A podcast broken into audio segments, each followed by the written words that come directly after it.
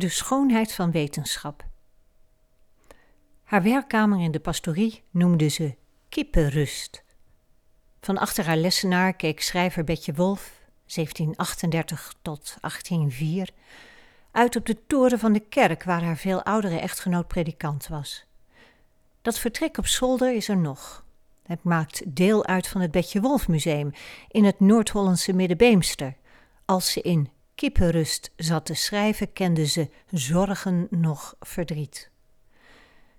Zonder die ruimte had ze het vast nog moeilijker gehad daar in de polder. Vooral in de winter. Even een rondje maken viel dan niet mee. Ze dichtte: De gladde klei zuigt machtig aan en hindert droevig in het gaan. In de gang van het kleine museum hangt een fascinerende vroege kaart van de Beemster, die in 1612 werd drooggelegd. Ik neem verbluft de kavelverdeling en de wegen in me op. Ze liggen als een fijn rasterwerk over de polder. Bij de droogmaking en de inrichting van polders waren landmeters betrokken. Die tekenden ook de kaarten zoals die in de pastorie. Hoe werkte een landmeter toen? En hoe zag hij eruit?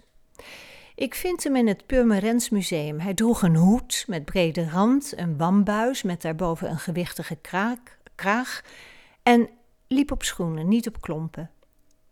Met een cape losjes om de schouders geslagen tuurde hij door het vizier van zijn hoekmeetinstrument.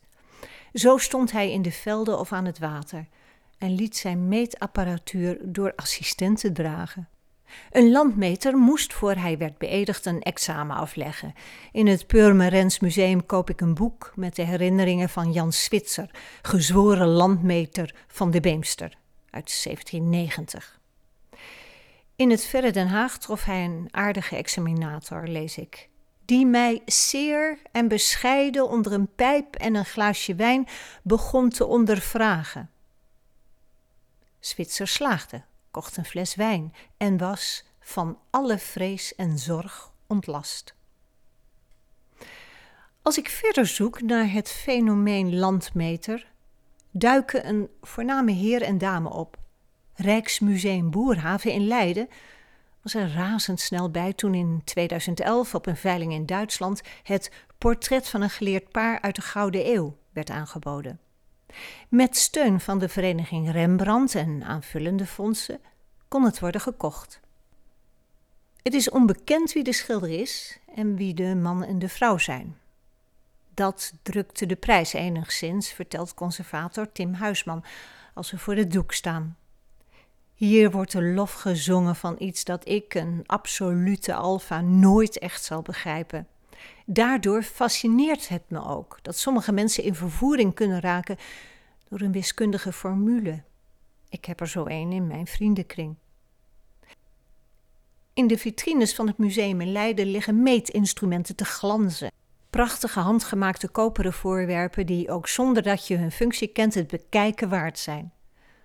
Aan die objecten geeft het schilderij een gezicht, vindt Huisman. Voor mij vertellen de man en vrouw inderdaad over de schoonheid van wetenschap. Ze hebben zich erop gekleed. De man draagt een uit Japan geïmporteerde kamerjas van blauwe zijde. De Japanse rok werd in de tweede helft van de 17e eeuw gedragen door de elite, was chic en behagelijk, dankzij een voering van zijde watten en een mouw die met een wit manchet strak om de pols sloot en de kou buiten hield. De jurk van de vrouw is geen dagelijkse dracht maar overduidelijk speciaal voor de gelegenheid gekozen, misschien wel uit de collectie van de schilder. Twee welgestelde mensen die zich verdiepen in de kunst van de meetkunde, zoals edellieden zich ook met muziek en retorica bezighielden, vertelt Tim Huisman. De man kijkt om, deelt zijn interesse met ons, toont de kaart van de vesting Groenlo. Zijn gepolitoerde duimnagel glimt rozig. Daarachter is de grafometer, een hoekmeetinstrument zichtbaar.